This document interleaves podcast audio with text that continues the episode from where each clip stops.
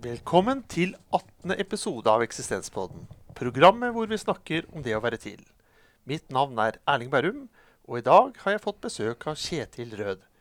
Du har nylig utgitt boken 'Kunsten og livet', en bruksanvisning, og er blitt anbefalt av vår tidligere gjest Lars Svendsen. Først og fremst, takk for at du vil komme. Bare hyggelig. Hvordan vil du kort beskrive deg selv? Vil beskrive meg selv som en nysgjerrig og kjærlig person, tror jeg. Rett og slett. Hva tenker du kan være viktig å nevne om deg og ditt liv, slik at lytterne får noen knagger å henge deg på? Altså, i, i, lang, I større og større grad så har jeg blitt veldig opptatt av eh, hvordan det intellektuelle og det følelsesmessige forenes. Spennende. Eh, Du har også blitt bedt om å velge ut en grunnleggende dimensjon ved det å være til som menneske. Og hva har du valgt som tema for i dag? Jeg tror jeg rett og slett må nevne kjærlighet her, altså. Eh, hvorfor det? Altså, øh, Hvis jeg da kan tillate meg å øh, henvise til denne boka da, som er utgitt, så er det den nest siste dyden i, øh, i denne boka. Og hvorfor det er viktig, er jo rett og slett fordi det er den følelsesmessige linken da, som motiverer oss til å øh, leve videre, men også til å ta vare på andre og, oss selv. Og i ytterste konsekvens også til å bli eh, politiske mennesker. Da. Og hvis man da i tillegg til det kanskje ser eh, politikken som en forlengelse av kjærligheten, så er det også evnen til å leve seg inn i andres perspektiv, se noe fra en annen synsvinkel. Noe man da, tenker jeg, i hvert fall i dag trenger i, i mer og mer eh, grad. Da. Så hvis jeg forstår deg rett, så kan liksom kjærligheten være med på å gi oss bedre forutsetning for å forstå hverandre, også i politikken? Ja, det vil si. Altså, øh, noe av problemet tror jeg med hvordan man forstår kjærlighet, er at man låser det til en ganske sånn begrensa situasjon. og Det er liksom parforholdet. ikke sant? Ekteskapet, eller kanskje til og med vennskapet. Men hvis man beveger seg fra det private rommet og de forbindelsene som eksisterer der, da, og over i det offentlige, så er jo på en måte akkurat de samme premissene gjeldende der.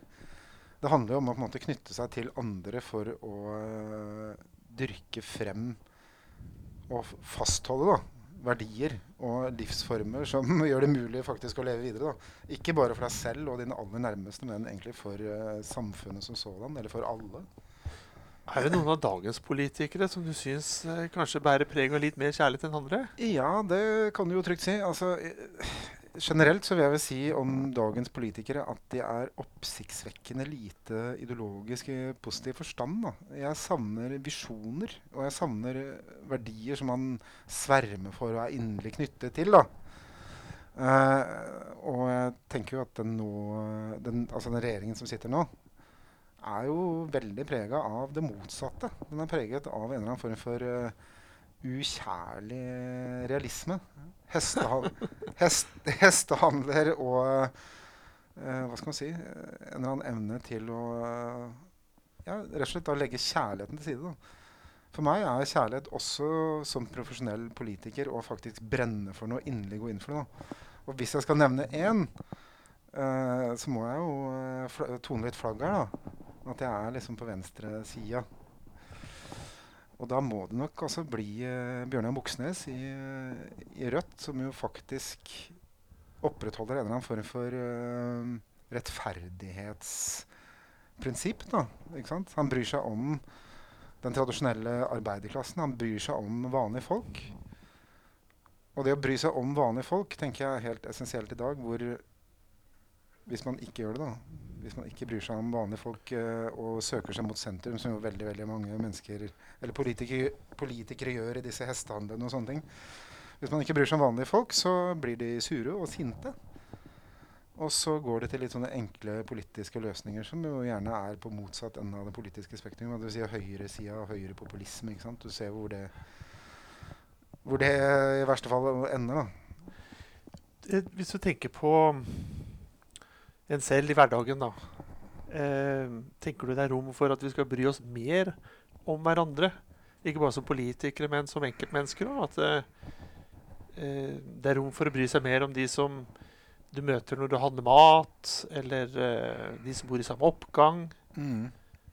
Ja, i høyeste grad. Og jeg tenker jo at det er et hva skal man si, grunnleggende menneskelig problem som, som gjelder uh, for de aller fleste. Og det er jo det at når du møter noen som på en eller annen måte bryter med hvordan du vanligvis lever og hvordan du vanligvis beveger deg gjennom hverdagen, om enn det er å handle mat på Rema eller hva som helst, så gjelder ethvert sånn hva skal man si, uromoment, om det er noen som tigger eller noen som oppfører seg på en litt sånn rar måte, ikke sant? det vil være plagsomt.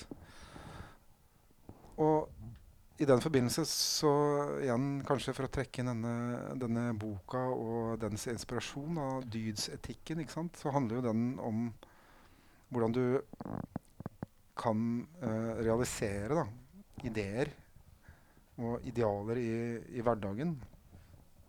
Hvis, la oss si, uh, solidaritet eller omtanke eller empati er en sånn type verdi som du har lyst til å realisere i ditt eget liv, så må du øve på den. Og hvis du øver på den, så må du utsette deg for situasjoner som kanskje er øh, vanskeligere, ubehageligere, ubekvemme på en eller annen måte. Men jeg tror det er egentlig akkurat der, da. det er grensesnittet mellom øh, ubehag og ideal denne dydsetikken egentlig er veldig god. Fordi det er nettopp det å, å øve seg på noe, gjenta han, faktiske handlinger i hverdagslivet. ikke sant? Som på en eller annen måte er uttrykk for den verdien man kommer seg videre. Og kanskje også da vil nå fram til en forståelse av noe av, av, et menneske som du ellers bare ville avfeid. Gjennom kjærlighet, egentlig. ikke sant? Men hva tror du er grunnen til at vi ikke gjør det så mye? Vi som vi kanskje kunne ønske? Er det knyttet noe til frykt? Eh, eller eh, mangler vi liksom eh, Mangler vi den styrken det er å liksom bryte ut av mønster foran andre og fremstå som annerledes? Er det sånn, har det noe med vår flokktenkning å gjøre? Jeg tror det primært er to ting. og det, det, det, ene har jeg allerede vært inne på. Det er jo det at man vil gjerne avvise det som er ubehagelig eller uvant. Det som på en måte er plagsomt, det vil man bare ekskludere fra sitt liv. Og så er det noe annet, og det er rett og slett det at vi ikke lever i en tid hvor uh, idealer i ganske sånn sterk forstand finnes i noe særlig grad. Ikke sant? Og igjen uh, er jo daimonie, da, dette aristoteliske begrepet hva, om hva er et godt liv. ikke sant? er jo egentlig forutsetningen for å, å lokalisere disse verdiene. Da. Men det krever noe av deg. da. Det krever at du på en eller annen måte ikke bare blir oppmerksom på dem, men, men på en eller annen måte utsetter deg for situasjoner som krever at du handler og tenker og kanskje også føler annerledes. Da. Men hva gir det oss, da? Jeg tror at det å bevisstgjøre seg selv hvordan man skal leve ut ifra verdier man har kommet fram til, er, uh, er viktig. Vil jo helt åpenbart gi oss et bedre liv, både individuelt og, og kollektivt. Da, men det krever så mye at veldig mange vil kanskje synes det er litt i overkant vanskelig. da. Hvis jeg som nå lytter, uh, sitter og hører på deg og mm. tenker uh, Ja, jeg er enig med hva du sier, og jeg vil det gjerne, jeg syns det er veldig vanskelig. har du noen tanker om hvordan jeg likevel skal kunne begynne på, på den øvelsen og den treningen for å på en måte eh, kanskje nærme meg mine idealer i større grad enn det jeg gjør i dag. Hva kan jeg gjøre? Jeg tenker jo eh, særlig to ting. og Det ene er jo rett og slett å, å bevisstgjøre seg dette spørsmålet hva er et godt liv i større grad. Dvs. Si bringe det spørsmålet nærmere hverdagens uh, tankestrømmer og hva du enn holder på med når man går rundt og gjør sine ting. Altså at det egentlig eksistensielle, filosofiske spørsmålet hva er godt liv, blir noe som angår deg. da, ikke sant? Hvis du insisterer på det, eller bringer det nærmere hvem du er, så vil du jo på en måte nærme deg idealet bare der, ikke sant? i en slags sånn generell holdning. Um, men så er det jo selvfølgelig noe annet. Og, og, det er jo det jeg er inne på i denne boka 'Kunsten og livet'. Og det er jo da at man kan se kunstverk eller lese romaner og sånne ting som handler om erfaringer og rom og um, hendelser og sånn som er veldig forskjellige fra deg. da. Og hvis du leser uh, eller ser eller er vitne til historier som er veldig forskjellige fra dine egne i tilstrekkelig nok grad, så er jo det i seg selv en slags øvelse på å se noe eller noen som er forskjellig fra, fra deg selv. Da. Det handler om å egentlig bare utvide en slags erfaringsrom ut, uh, mer enn uh, rett og slett bare bryte den vanlige horisonten man beveger seg innenfor til, daglig. ikke sant? I dette kjente norske underholdningsprogrammet Nytt på nytt. Der diskuterer de ofte liksom eh, hvem eller hva skal ut. Og hvis vi skal liksom kanskje i større grad eh, gjøre noen valg med tanke på hva vi selv definerer som et godt liv, og knytte opp til våre egne idealer, hva tenker du ved vår hverdag vi kanskje må begynne å tenke på å ta ut for å gi plass Mm. til eh, en litt annen livsførsel? Ja, det er et veldig godt spørsmål. Og jeg, jeg tror helt åpenbart at eh, teknologi rett og slett er eh, en, et stort forstyrrelseselement. Og når det gjelder dette med å kunne leve etter idealer og realisere idealer, så tror jeg at distraksjonen som f.eks. Uh, sånne ting som smarttelefoner og sosiale medier og sånne ting forhindrer eh, i veldig stor grad at man egentlig kommer fram til hva som er essensen med ens eget liv. da. Og naturligvis også at man kommer langt vekk fra spørsmålet hva er egentlig et godt liv? Altså, ja.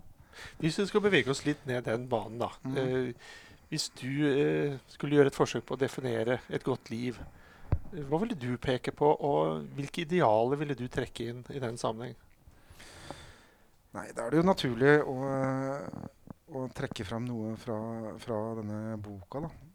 Og jeg tror det mest grunnleggende rett og slett er eh, oppmerksomhet, egentlig. Eh, oppmerksomhet for eh, det du Det som på en eller annen måte er litt rart, eller litt annerledes, eller det som overskrider din horisont. Det som er innenfor kretsløpet av det du allerede, allerede vet, det du allerede føler. Ikke sant? Nysgjerrighet òg. Altså, øh, rett og slett kunne være i stand til å gi tid til det du ikke helt forstår. Men, det som egentlig forbinder, øh, tenker jeg da, det som egentlig forbinder øh, en sånn type blikk for verden, er jo faktisk det som øh, er jo faktisk fascinasjon, da. Hvis du gir noe tid, så vil du kunne oppdage at du er oppfascinert av ting du ikke helt uh, forstår. Og det er et veldig godt utgangspunkt for uh, både kanskje kjærlighet og solidaritet, og muligens også et godt liv. Da. Det å liksom, si, gi litt mer rom for eh, kjærlighet til andre, vil det også gjøre at vi kanskje ser andre bedre? Ja, helt åpenbart. Men spørsmålet hva som egentlig er kjærlighet, er jo, tenker jeg, kanskje noe man bør besvare før man kommer dit hen. Da. Strindberg sa jo at det er synd på menneskene. Eh, og jeg tenker at det er liksom litt sånn et sånt kjærlighetsperspektiv han også har da, på menneskene, som gjør at han kommer med en slik slutning. Fordi én ting er liksom kjærlighet i forhold til enkeltmennesker, men kjærlighet i forhold til menneskeheten. da. Det loddet vi har, Mm. den timeligheten vi er innenfor, og den avgrensningen livet handler om, det er jo tidvis tungt å bære for mange. Og det ha, å ha litt kjærlighet for, for livets bør, som det også kan kalles, da.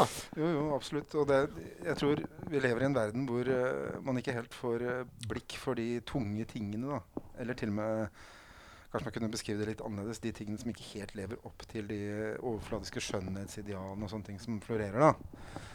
Uh, filosofen Zizek uh, sa en gang noe som jeg syns var ganske morsomt, men også egentlig ganske sant. da. For det åpna et slags tankerom som var svimlende mens jeg satt og humret over det han sa. Da. Og det, det han sa, var jo at kjærlighet er uh, evnen til å, å sette pris på det mest ubehagelige og rare trekket ved partneren din. Da. Hvis du klarer å på en eller annen måte vise omsorg, omsorg og interesse for det du, det du syns er rarest, eller mest ubehagelig, eller kanskje styggest også, ved din partner, så åpner du på en måte opp et slags erfaringsrom som er ganske stort. Og jeg tror kanskje at kjærligheten kan utspille seg i den type rom. ikke sant? Altså, det, man forelsker seg veldig ofte i en sånn type forestilling om kjærlighet som veldig rosenrødt, men egentlig så er det et erfaringsområde som spenner ganske vidt. da. Det å vise kjærlighet for en annen, ikke sant? eller for mennesker som sådan. Du må kunne romme ganske forferdelige ting, Ja. rett og slett. Ja, jeg ble forelsket i min egen kone Ja. eh, gjennom hennes motstand når hun krangla. jeg syns, syns ja. det var vakkert. ja, ja. ja. Og selv også så syns jeg noen ganger um, det å se f.eks. min kjære, da, nå individualiserer jeg det, men likevel. Eh, å se henne slått ut på sofaen eh, med, med barna, f.eks. Det syns jeg er romantisk. Mm, mm. For det handler liksom om det der strevet, som på en måte er noe vi deler. da. Jo, jo, Eh, men det er ikke da romantisk i kanskje klassisk forstand. Nei, men det er romantisk i den forstand at du knytter deg til en annen på veldig sånn uh, særegen måte, da. Ikke sant? Og jeg tenker at den rytmen man deler med et annet menneske, er uh, noe av det skjønneste man, man kan oppleve. Uh, jeg kan gi, gi et annet eksempel på det. Det er for ikke bare fra min nåværende partner, men generelt bare min erfaring av kjæresteforhold. da. Og det går jo på en utrolig rar ting, syns jeg. Og det er jo det at jeg blir veldig ofte fascinert av sånne eh, små gester og detaljer. Måten hun smiler på. ikke sant? En bestemt type trekning i munnviken eller håndbevegelse. Eller sånne helt sånne eh, singulære enkelttrekk ved mennesker som egentlig ikke lar seg forstå, men som allikevel binder meg til dem. Men igjen så er det sånne typer uh, bindinger da, mellom meg og min fascinasjon for uh, detaljer, og da innenfor kjærlighetens ramme i dette tilfellet, som skaper egentlig et slags sånn erfaringsrom som er stort, og som egentlig kan utvides etter hvert som man blir enda mer kjent. da. Uh, her ble jeg nysgjerrig, da. For jeg, jeg skal jo ikke underslå at jeg, jeg sliter jo litt på den fronten i forhold til at jeg kan være litt sånn lett irritabel jeg, for det motsatte. Så, så som for eksempel, eh, Her skjønner jeg at jeg har litt å gå på kjærligheten i forhold til eh, igjen min, eh, min kone som eh, når hun- tygger tyggegummi, så driver hun og knepper. Ja, ja, Men det skal jeg på en måte prøve å lære meg å elske. Og når hun hører denne episoden her, hun kommer til å eh, heie, på ditt heie veldig på ditt perspektiv. ja. Men det jeg lurer på, er at det, si, si fra mitt perspektiv, da, så mangler kanskje noe av den kjærligheten på noen områder. Hvordan klarer du å liksom vri perspektivet til så omfavne eh, det som da kanskje ikke er da så veldig attraktivt eller eh, flatterende? Hvor ser du når, du har det blikket, hvor, hvor, hvor er du da liksom i, deg selv, i verden, for å kunne se det? Hva er konteksten din? Men jeg sier jo ikke at jeg klarer det.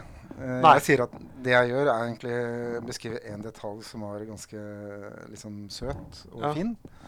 Men selvfølgelig, ethvert kjæresteforhold består jo også av helt sånn urimelige eh, ting som irritasjon, og at du ikke klarer å forholde deg til den ene eller andre egenskapen ved den andre. Og sånn er det også med, med meg og, og min eh, kone. Da. Men generelt så tenker jeg at eh, det å beskrive idealer på en måte som gjør at man får lyst til å strekke seg etter dem, er viktigere enn å beskrive situasjonen på en veldig sånn realistisk måte. Da. I hvert fall i den forstand at man får, øye på noen verdier i beskrivelsen, for å si det sånn. da. Mm. Uh, og i den grad jeg klarer det, så er det i så fall uh, fordi jeg er opptatt av akkurat det. Jeg tenker uh, Når du sier liksom idealer eh, Da går du tenker helt tilbake liksom, til Platon og hans eh, idealer. Og hvordan vil du på en måte liksom leve nede inne i hulen og etter disse skyggebildene. Men at vi eh, Snakker du om at vi prøver å klatre ut av, av denne hulen?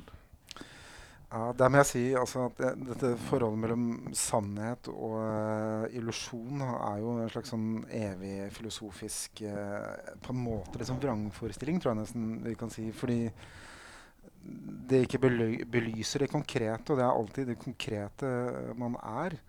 Hvis jeg kan nevne en annen filosof som jeg har veldig stor sans for, den franske filosofen Alain Badiou, så er han på en måte på den motsatt ende av skalaen, selv om han er for så vidt har veldig sans for Platon. Han er på motsatt ende av skalaen fordi han snakker om eh, egentlig også kjærlighet. Da.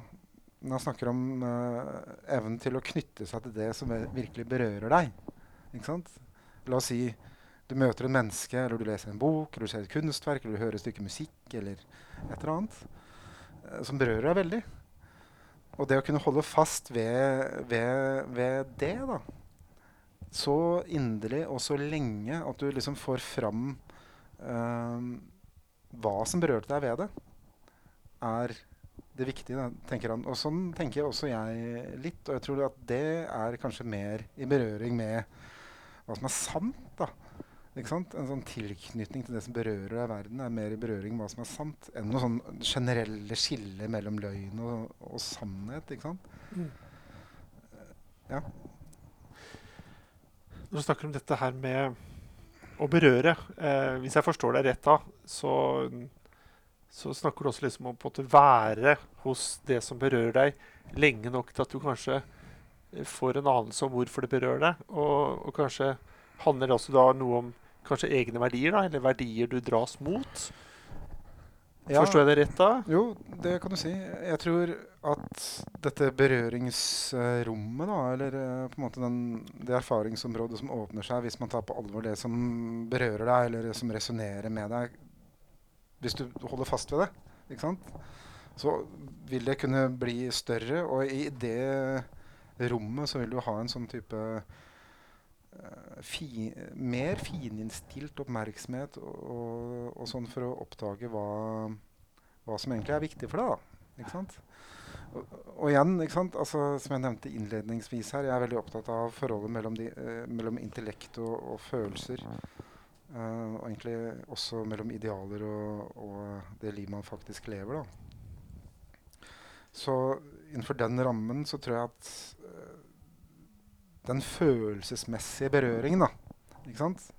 Som kan være ganske sånn banal. Bare 'Oi, dette var et fantastisk uh, stykke musikk. Uh, jeg begynte å gråte av det.' Eller 'Oi, dette mennesket fascinerte meg veldig.' Sånt. Og hvis man holder fast ved det, så, så utvider, utvider man på en måte sånne eksistensielle soner for seg selv, hvor man er i stand til å oppdage det man ellers ville Eller det som ellers ville gått under radaren. Da. Når du sier det du gjør nå, så tenker jeg videre på at da har vi kanskje noen ganger et problem ved at vi lever litt for fort. Ja, ja, ja. At vi, vi, får, vi, tar oss ikke den tiden vi trenger for å kunne komme i disse eksistensielle sonene og, og, få litt mer grep om hvem vi er. Ja, helt åpenbart. Helt åpenbart. Og jeg tenker at en ting jeg har veldig stor glede av, egentlig, da, det er jo egentlig ikke tenke på noen ting. Det vil si um, å bare meditere meditere, rett og slett. Da. Og da gjentar man jo bare en lyd som ikke betyr noen ting. Og jeg tror også at det i seg selv, da, denne oppmerksomheten eller dette rommet jeg får gjennom å ikke tenke på noen ting, er en slags sånn sensitivisering av uh, evnen til å oppdage sant, hva som egentlig resonnerer der, men også evnen til å utvide eller holde fast ved det, det som resonnerer eller uh, berører deg utover den situasjonen. Vil du si at det eh, rasjonelle eh, tar for stor plass i hverdagen på bekostning av det emosjonelle? Eh, jeg tenker litt på ofte mennesker du er glad i, som betyr mye for deg. Som du kanskje ikke bruker så mye tid på å, å, se eller på en måte bruke din kjærlighet på så mye som du kunne. Men mm. når de blir borte, mm. så avdekker det på en måte noen emosjoner som du ikke hadde tak på når de var sammen med deg.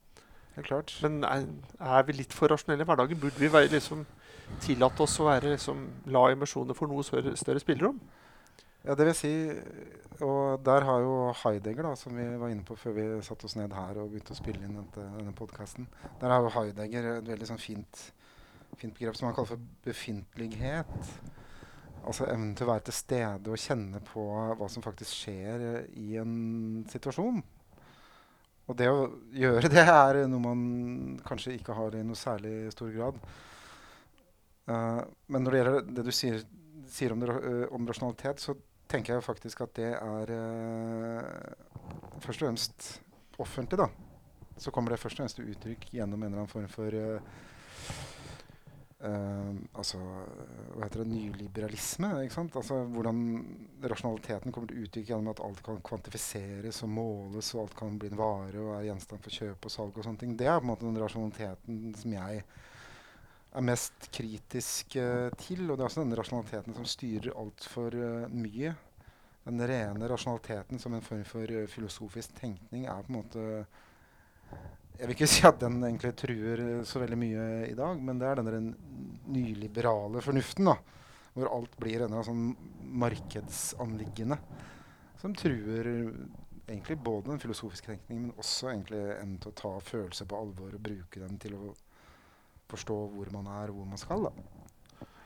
Eh, hvis jeg skal våge meg på et lite sånn tankesprang her eh, i forhold til eh, en motsats til det rasjonelle nå, da, så sa jeg nettopp liksom emosjonelle. Og da er ikke Mm. nødvendigvis eh, sånn typisk føling som mange eh, kan tillate seg å bedrive som bare som handler om å føle etter, men mer som en lyttepost, da, som du har vært innom tidligere. på en måte, Hva, hva forteller følelsene meg?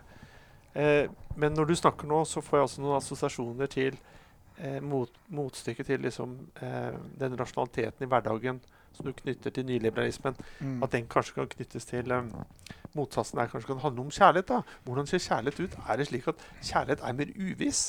Er kjærlighet mer uklar? Er kjærlighet noe du liksom må lytte etter i større grad Mm. enn noe som kommer rekende på en fjøl, hvis du skjønner hva jeg mener? Ja, ja. For liksom Det er et veldig stort ord og vanskelig å beskrive, men handler det noe om å å, å vente ut? Eh, Mm. og være til stede med? Mm. Ja, men i hø høyeste grad. Vente ut og være til stede med syns jeg var veldig godt, uh, godt beskrevet. Det, kjærlighet handler om å ha tid nok til å forstå den andres uh, perspektiv òg, ikke sant? Uh, kjærlighet dreier seg om å være i stand til å Som jeg sier i boka, da siterer jeg Rebecca Solnit, som er veldig glad i. Amerikansk feminist og essayist. Kjærlighet handler om å kunne fortelle den andres historie. Ikke fordi man skal gi slipp på seg selv eller på en eller annen måte undergrave sitt eget uh, ståsted, men egentlig for å utvide det individuelle rommet til en eller annen form for tosomhet. da som er uh, vakkert, tenker jeg, og mer uh, Og mer løfterikt enn veldig mange skal ha det til. Som jeg var inne på i stad, så tenker jeg også at denne evnen til å fortelle en annens historie egentlig også er begynnelsen på sånne ting som eh, solidaritet og, og også sant, rettferdighet og evnen til å forstå mennesker som ellers bare ville vært plagsomme for deg. ikke sant? Jeg tenker også, i lys av det du har sagt tidligere, dette med at kjærlighet også kanskje da har i seg mye nysgjerrighet. Det har Eh, for, har i seg mye nysgjerrighet. Ja, Eh, definitivt. det der med å være nysgjerrig på hverandre, men også være nysgjerrig på andre. mm, Og, og tillate seg å være det. mm. Um, når du da har liksom tillatt deg å være mer nysgjerrig på andre, og, og våget kanskje nærme deg de, uh, hva opplever du har fått ut av det? Hva har det gjort med deg? Altså helt sånn konkret så er det jo sånn at eh, når man viser mennesker eh, oppmerksomhet og, og hører på hva de har å melde, uansett hvem de er, så blir de glad, ikke sant? Og det er jo en sånn enkel psykologisk eh, mekanisme som ligger i det. Altså man speiles, rett og slett. da. Du merker at en annen menneske er interessert i hva du har å melde, uansett hva det er. Og det ligger jo, det ligger jo en slags sånn skjønnhet i, eh, i, i det som er ganske grunnleggende for det å være menneske, tenker jeg. da. Du merker at noen andre ser deg.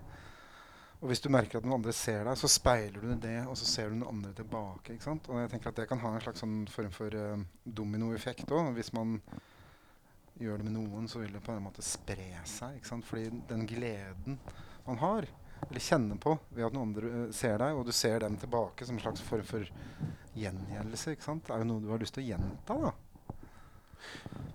Vil det å se andre også være med på å, å påvirke litt hvordan du ser deg selv? Disse møtene med andre? Ja, det vil i høyeste grad. Jeg tenker jo at den oppmerksomheten man kanskje kan øve seg på å vise andre, er også en oppmerksomhet man kan øve seg på å vie seg selv. Altså, I grunnen så er det jo sånn at man Det er jo ganske snodig, men, men i grunnen så er det jo sånn at svært mange kjenner seg selv like dårlig som man kjenner, kjenner andre dårlig. ikke sant? Altså, det å bli kjent med seg selv er jo som å bli kjent med et fremmed menneske. på en måte, ikke sant? Så man må også være nysgjerrig og oppmerksom på hva som skjer i ens eget uh, bryst, for å si det sånn. da. Ja, jeg tenkte litt på det samme når vi snakket eh, tidligere, tidligere i stad. Mm. Om hvis vi lever for fort, Mm. eh, at vi risikerer å, å dø uten å ha visst hvem vi er. Mm. Det er ikke noe hyggelig. Det, det er ikke så veldig hyggelig, nei. Ja.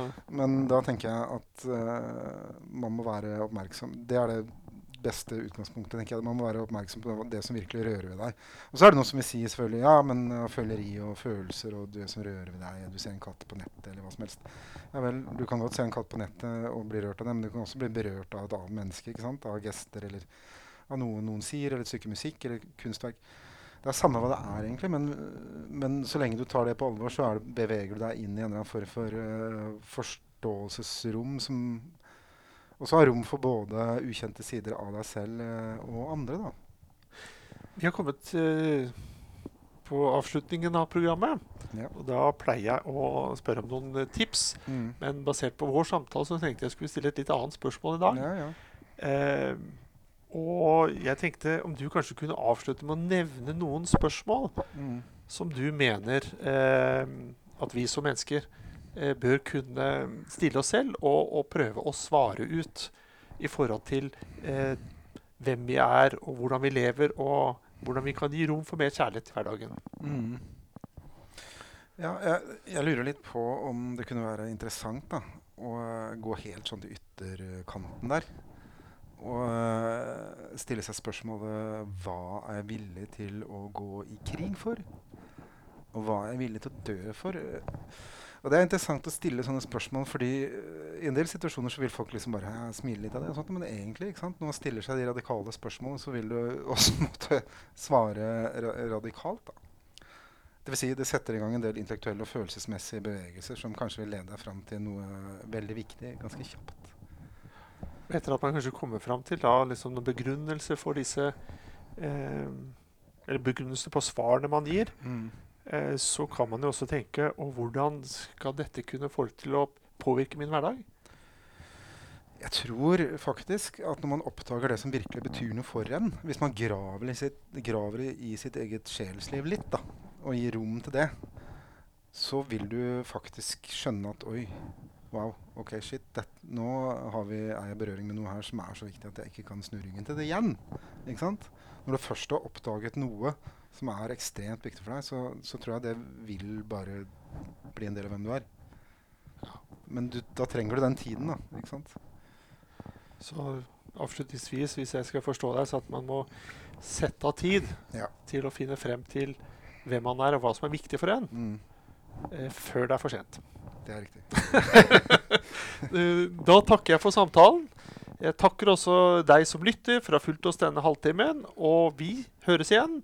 Og inntil da, ha det bedre enn bra.